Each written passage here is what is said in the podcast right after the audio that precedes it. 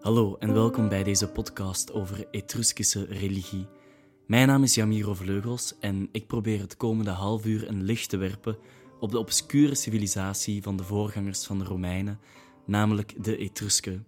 Het opzoekwerk en onderzoek voor deze podcast werd uitgevoerd door Leen Bokke. En namens Leen en mezelf wensen wij u alvast heel veel luisterplezier.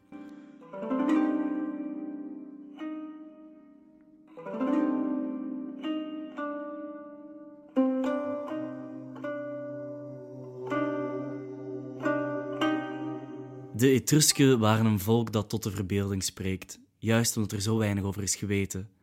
Van heel de Etruskische cultuur is de religie het best gekende onderdeel, ook al is dat bijzonder fragmentair. De meeste bronnen komen van archeologische opgravingen, maar ook overleveringen van Griekse en Romeinse auteurs zijn erg belangrijk in het onderzoek. Voorbeelden van zulke auteurs zijn in de Griekse literatuur Herodotus en Dionysius van Halicarnassus, en voor de Latijnse literatuur zijn dat Livius, Cicero, Vergilius en Ovidius. Alvorens dieper in te gaan op de religie, moet er een beeld worden geschetst van de algemene context waarin de Etrusken leefden. Zaken die in het eerste deel van deze podcast aan bod zullen komen zijn hun mysterieuze herkomst, contacten met Griekenland en Carthago en gevonden inscripties. Het tweede deel zal gaan over de Etruskische religie, waarna ik in het derde deel hun invloed op de Romeinse religie bespreek. Deel 1 Context.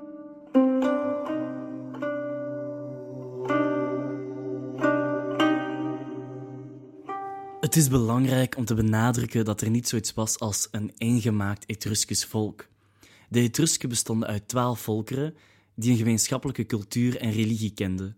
De herkomst van deze Etrusken is een onderwerp waarover historici zich sinds de oudheid het hoofd overbreken. Zeker is wel dat ze geen Indo-Europees volk waren. Recente onderzoeksontwikkelingen hebben aangetoond dat de Etrusken reeds voor de ijzertijd aanwezig waren in het Italische schiereiland. De eerste om het probleem van de Etruskische herkomst aan te kaarten was Dionysius van Halicarnassus, die zes hoofdstukken in het eerste boek van zijn Romeinse geschiedenis wijde aan de Etrusken. Bij Herodotus was er sprake van een Lydische oorsprong en een overzeese migratie onder leiding van een zekere Tyrannus. Deze Lydische herkomst werd overgenomen door andere auteurs, en zo maakte Vergilius geen onderscheid tussen de Lydiërs en de Etrusken.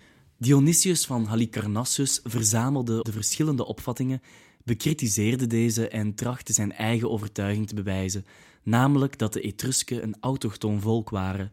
Hierin heriep hij zich op de bijzonder oude geschiedenis en de linguïstische en culturele isolatie van de andere volkeren die hij kende. Vandaag de dag zijn onderzoekers aan de hand van archeologisch en linguïstisch onderzoek van mening dat de Etruskische cultuur en taal zich inderdaad ter plaatse ontwikkelde. Aan het einde van de 8e eeuw voor Christus kwam de uitvinding van het schrift vanuit Griekenland naar de intussen sterk geurbaniseerde stadstaten in Etrurië.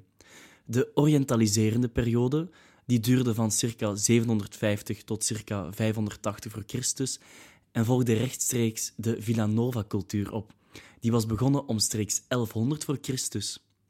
Naast de urbanisatie en het schrift namen de Etrusken ook het principe van inhumatie over in plaats van crematie. Voor de opkomst van Rome werd de Middellandse Zee gedomineerd door drie grootmachten: Griekenland, Etrurië en Carthago. Een belangrijke getuige hiervan zijn de gouden Pyrgi-plaatjes, die stammen uit circa 500 voor Christus. Pyrgi was de haven van de belangrijke stad Caire. Deze bilingue bevatte inscripties in het Etruskisch en in een mediterraans dialect van het Fenicisch en wijzen op handelsrelaties tussen Carthago en de stad Tarquinia in Zuid-Etrurië. Lange tijd werd gedacht dat de tweede taal op de plaatjes het Punisch was, maar intussen weten onderzoekers dat het gaat om het Fenicisch. Er waren overigens niet alleen handelsrelaties en culturele uitwisselingen, maar de drie grootmachten kwamen ook met elkaar in contact tijdens de zeeslag bij Alalia in 540 voor Christus. In deze veldslag spanden de Etrusken en de Carthagers samen tegen de Grieken. De Etrusken, meer bepaald de stad Caire, en Carthago hadden een zeer nauwe band met elkaar. Zo nauw zelfs dat Aristoteles beweerde dat ze bijna één volk samenvormden. In 509 voor Christus tekenden Carthago en Rome een verdrag, wat misschien erop wijst dat beide grootmachten een eerdere alliantie bevestigden, want in deze tijd heersten de Etruskische koningen over Rome. Er zijn ongeveer 13.000 Etruskische inscripties overgeleverd, maar het leeuwendeel van deze inscripties zijn funerair. Deze teksten leren ons bij gevolg niet veel over de taal zelf. De eerste Etruskische teksten zijn te dateren omstreeks 700 voor Christus, maar de taal werd al veel langer gesproken voordat het werd neergeschreven. De laatste inscripties dateren van de tijd van Augustus.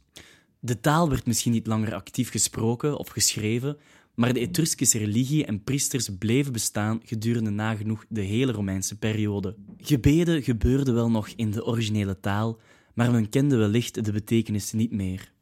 Ik zal nu twee van de belangrijkste overgeleverde teksten overlopen, alvorens het eigenlijke onderwerp van de podcast aan te snijden: de Etruskische religie. Slechts enkele bewaarde teksten zijn lange teksten. De meeste teksten zijn maar één of enkele regels lang. En een zeer bekende en tevens ook de langst bewaarde Etruskische tekst is een liturgisch boek op linnen. Dit is het enige voorbeeld dat we nog hebben van een Liber Linteus, een heilig linnenboek.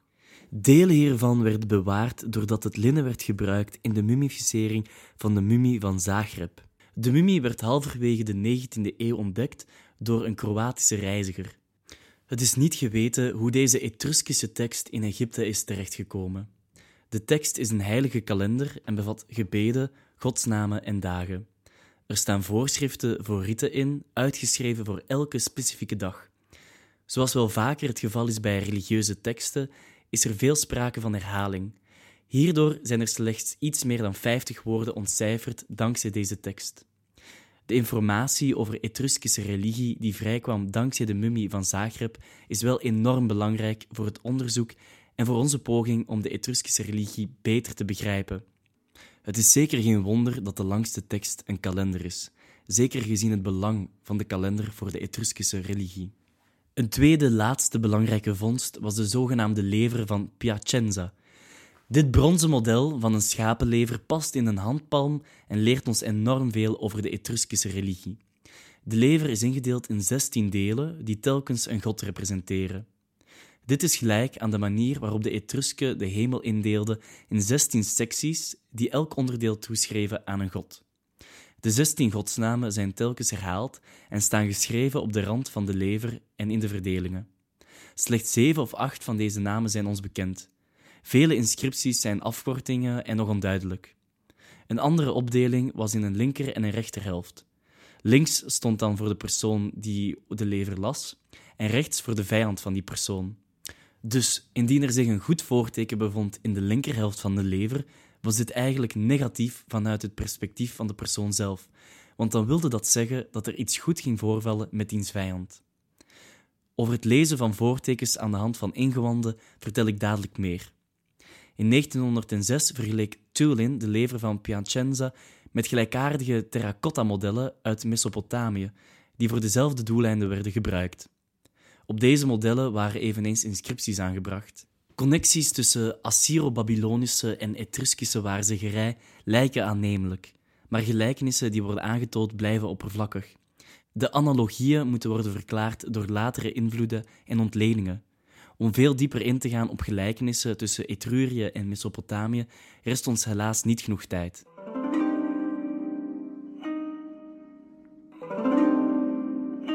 Deel 2: De Etruskische religie.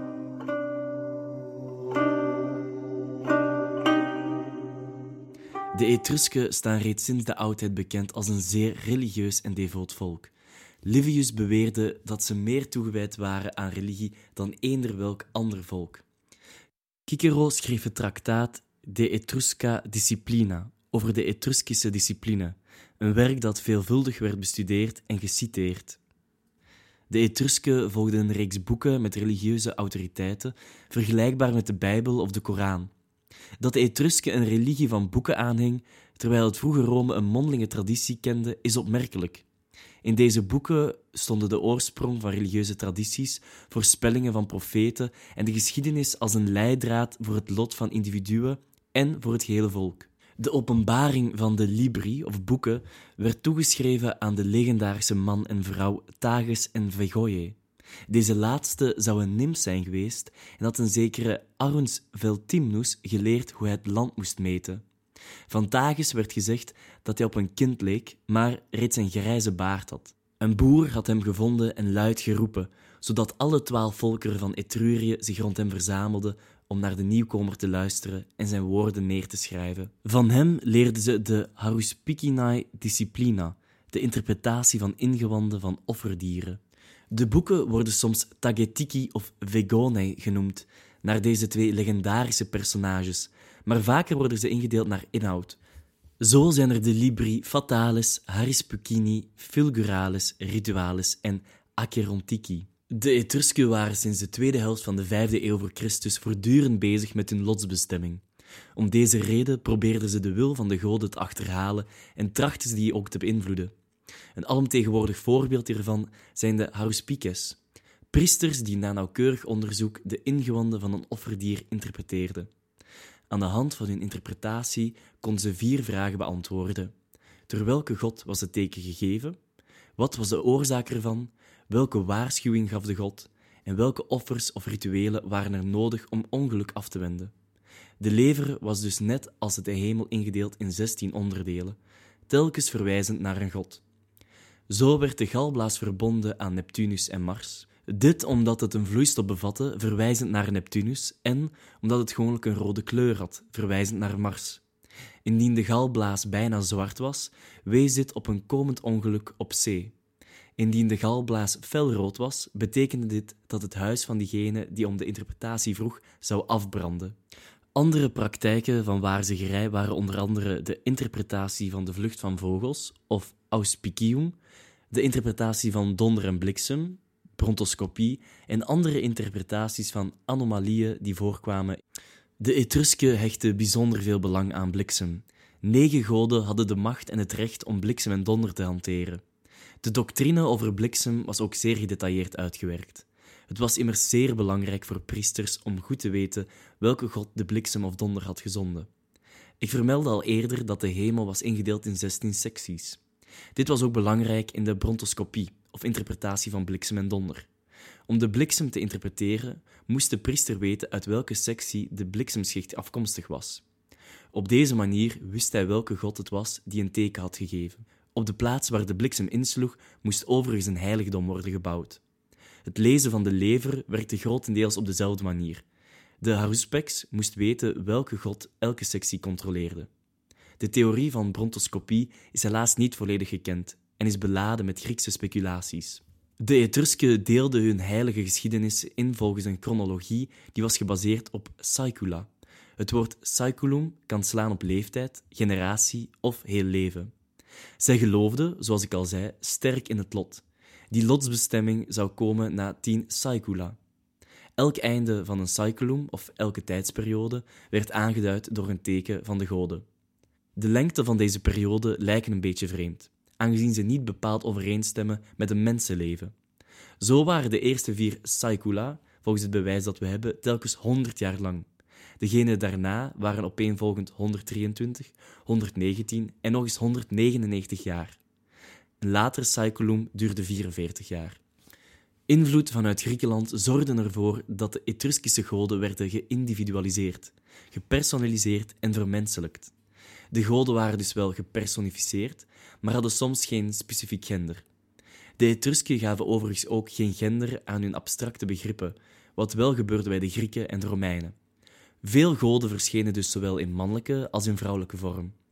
Voorbeelden hiervan zijn Alpan, de godheid van goede wil en geluk, Talna, een populaire kracht die aanwezig is in de context van geboorte, kindertijd, romantiek en profetie. Talna verschijnt als een robuuste jongeling of als lieflijke godin. We moeten hier wel rekening houden met het feit dat het veranderen van geslacht ook kon liggen aan schrijffouten en dat dit inderdaad regelmatig het geval was. We mogen deze genderflexibiliteit dus niet te ver trekken. De Etrusken namen ook buitenlandse goden op in hun pantheon. Al vroeg werden Griekse goden in grote getalen geassimileerd met de eigen goden. Herakles was hier één van en heeft een zeer rijke mythologie in het vroege Italië. Hij werd als Hercle vereerd door de Etrusken en als Herakles door de Romeinen. Apollo werd vereerd als Apulu of Aplu, Artemis als Artemis of Artemi, en veel goddelijke namen werden geleend van Italische talen. Zo dragen veel Etruskische goden vervormde Latijnse namen. Uni was afgeleid van Juno, Ani van Janus, Netuns van Neptunus en Maris van Mars. In sommige gevallen draagt een godheid zowel een inheemse als een buitenlandse naam. Merva, teruggaand op Minerva, is bijvoorbeeld hetzelfde als Tecum.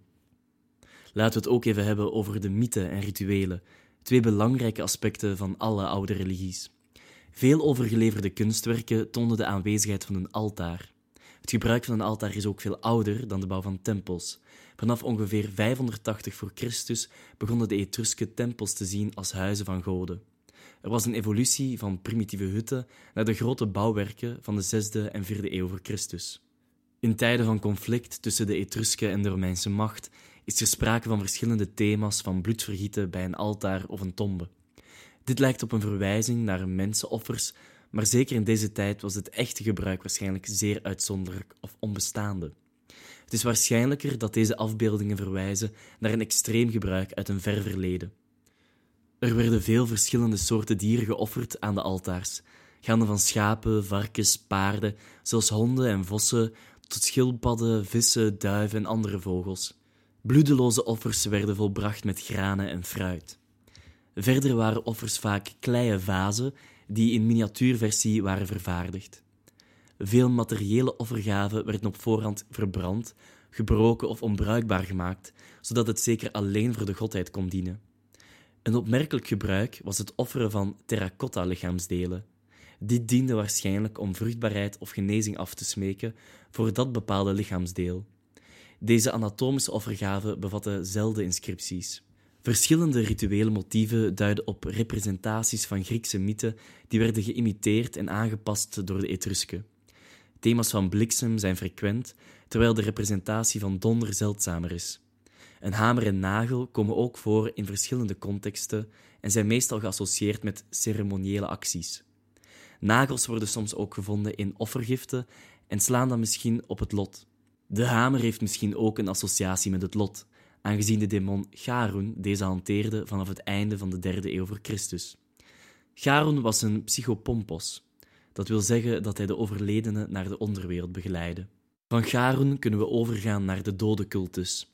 In Etrurië was er sprake van een enorme gevarieerdheid in begraven en in tombes, maar het geloof over het hiernamaals en de onsterfelijkheid van de doden was eerder onverdeeld. De overledenen maakten een reis naar het hiernamaals, te voet, te paard, in een wagen of over water, om daarna door een poort te gaan en zo een andere wereld te betreden waar het leven gewoon verder ging.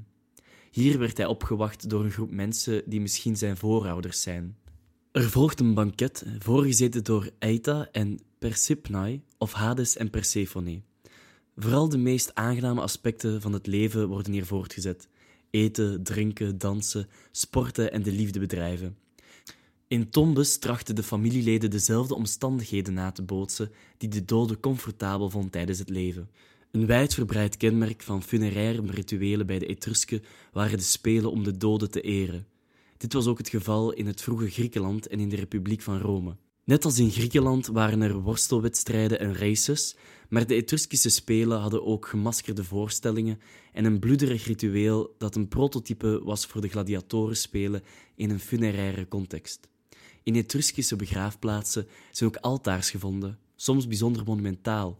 In de laatste periode van Etrurië was er een dramatische verandering in de manier waarop men keek naar het hiernamaals. Wellicht kwam dit door de politieke en alledaagse verandering in het leven van de Etrusken. Rome begon in de vierde en derde eeuw voor Christus met het veroveren van Etruskische steden. De onderwereld werd een angstaanjagende plaats die werd bewoond door demonen. Zulke schrikwekkende demonen verschijnen rond 400 voor Christus.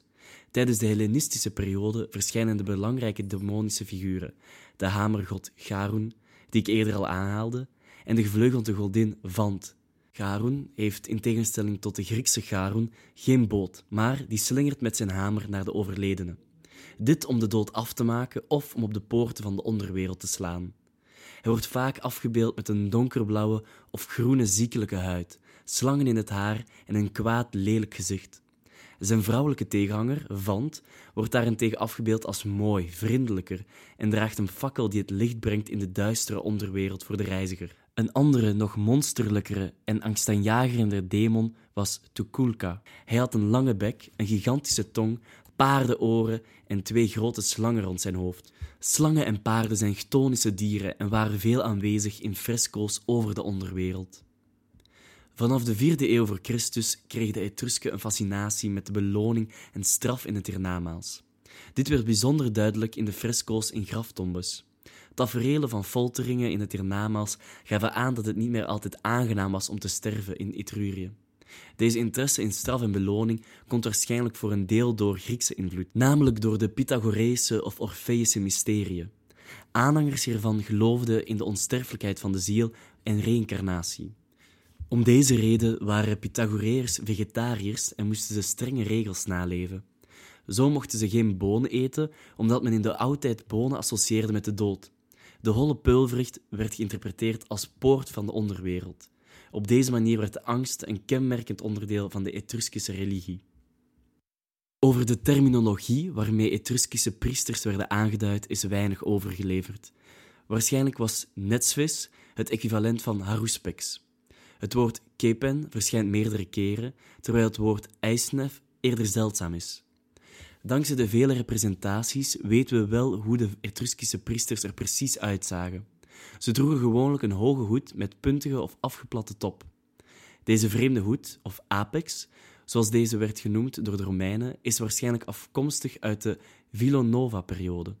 De apex werd vaak vastgemaakt aan een kap van dierenhuid. De Latijnse term hiervoor is galerus.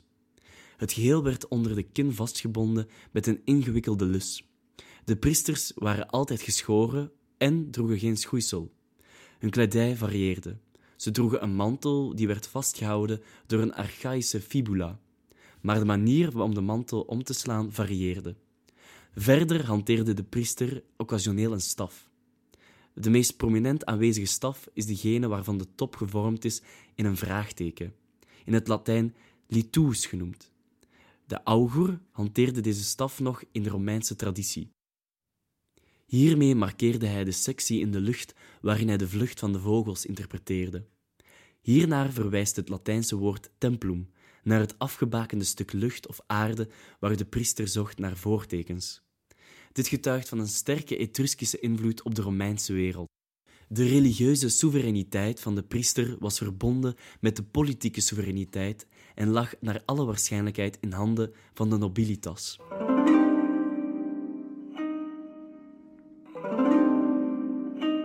Deel 3. Directe invloed op Rome.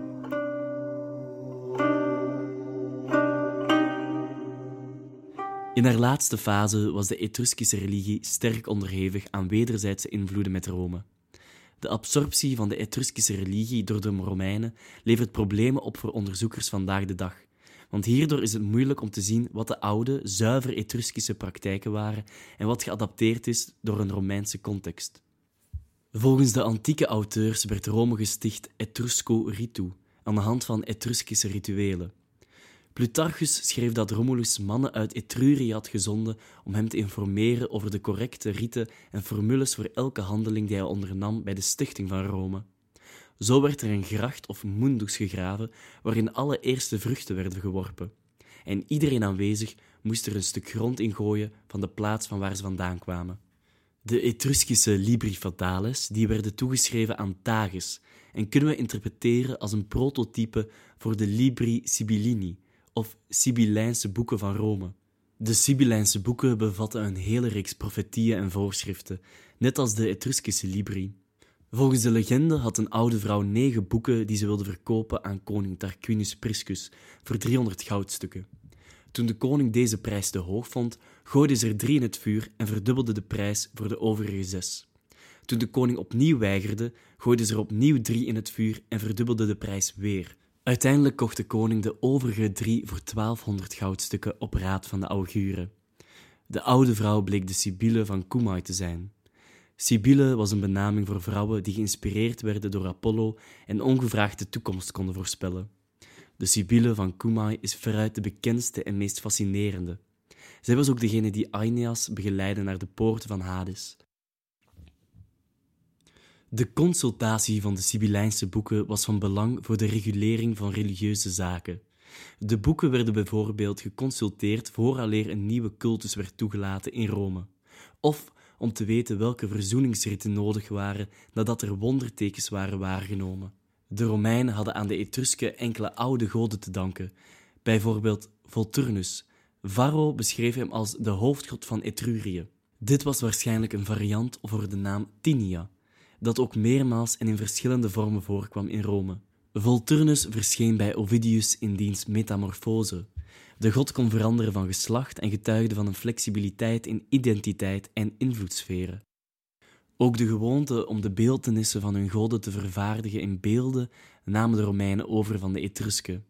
In de oudheid beweerden enkele auteurs dat de Capitolijnse trias, die bestond uit drie hoofdgoden, van Etruskische herkomst was. Het laatste hoofdstuk van het eerste boek van Vitruvius wordt geciteerd als een van de zeldzame aanwijzingen dat de trias, Jupiter, Juno, Minerva, van Etruskische oorsprong is. Het is niet zeker of de Tarquini hierin de Etrusken hebben gevolgd, of eerder waren geïnspireerd door een Etrusco-Romeinse regel. De enige andere verwijzing naar een Etruskische trias is in de commentaar op de Aeneis door Maurus Servius Honoratus. Ook hier moet kritisch naar worden gekeken. Misschien is dit het product van reflecties en generalisaties door Etrusco-Romeinse geleerden over een groep goden die had gezorgd voor het succes van Rome. De Haruspicinae disciplina was net als het interpreteren van bliksem een specialiteit van de Etrusken in de ogen van de Romeinen. Haruspices waren wel volledig geïntegreerd in de Romeinse cultische praktijk en hadden invloed tot de late oudheid. In de vierde eeuw waren ze, net als alle andere culten, niet langer geautoriseerd door de staat. Dit kwam door de opkomst van het christendom. Het Etruskisch en het Latijn hadden een wederzijdse invloed op elkaar. Dit was ook het geval voor godsnamen. Over verlatijnste Etruskische goden heb ik het eerder al gehad, maar ook het Latijn was onderhevig aan invloed van de Etruskische spelling. Door de Etruskische schrijfwijze werd Persephone bijvoorbeeld Proserpina in Rome. Door de wederzijdse invloed waren er ook leenwoorden uit het Etruskisch in het Latijn. Voorbeelden hiervan zijn Caremonia, Fenestra en Rossa. Dit eerste woord, Caeremonia, wijst op de overname van religieuze praktijken als ceremonies door de Romeinen. Religie is inherent conservatief en eigen aan elke samenleving, maar het meest conservatieve aspect van eender welke samenleving is de kalender. Een kalenderhervorming, zoals Julius Caesar die doorvoerde, getuigt van een enorme grote macht. In de vroege republiek hervormden de tien mannen de kalender tot de republikeinse kalender die we vandaag nog kennen. Voor de invloed van de Etrusken hanteerden de Romeinen een boerenkalender. Hierna namen ze de aspecten uit de Etruskische maankalender over. Ze namen niet de volledige kalender over, maar in de republikeinse kalender zijn zeker lunaire aspecten terug te vinden. De Etruskische kalender is ons vandaag niet meer bekend. Een voorbeeld van blijvende Etruskische invloed zijn de Ide, de benaming voor de eerste dag van de maand, afkomstig van het Etruskische woord itus, dat terugslaat op de volle maan. Een tweede voorbeeld dat vandaag nog doorleeft in onze kalender is het bestaan van maanden van 29 dagen. Het lijkt misschien een beetje vreemd om kalenders te bespreken in een podcast over religie, maar niets is minder waar. Voor de vroeg-Romeinse geschiedenis is het bijzonder interessant om de studie van de chronologie in acht te nemen en te kijken hoe de kalender in elkaar zat. In dit opzicht is de kalender een goede aanvulling op de geschreven en archeologische bronnen. De Romeinen maakten immers geen onderscheid tussen religie en burgerlijke zaken. Hierdoor leidt een onderzoek over de kalender wel degelijk tot nieuwe inzichten over religie, civiele wetgeving en het politieke gebeuren. Denk in dit kader bijvoorbeeld aan dies fasti, de religieuze dagen waarop men niet mocht doen aan rechtspraak, geen markt mocht houden, de senaat niet mocht samenkomen en zo verder. Op de dies nefasti ging het leven gewoon zijn gang. Soms wordt ook wel gezegd dat alle activiteiten, behalve de religieuze, werden verboden op de dies fasti. Hartelijk bedankt om te luisteren naar deze podcast. Dit was het dan voor deze aflevering. Misschien volgt er binnenkort nog een aflevering over een oude beschaving. Mijn naam is Leen Bokke. Stuur eventuele vragen of opmerkingen zeker naar leen.bokken.gmail.com en laat maar weten over welke antieke beschaving u graag meer wilt weten. De muziek die werd gebruikt was het lied Orpheus door de muziekgroep Sinaulia.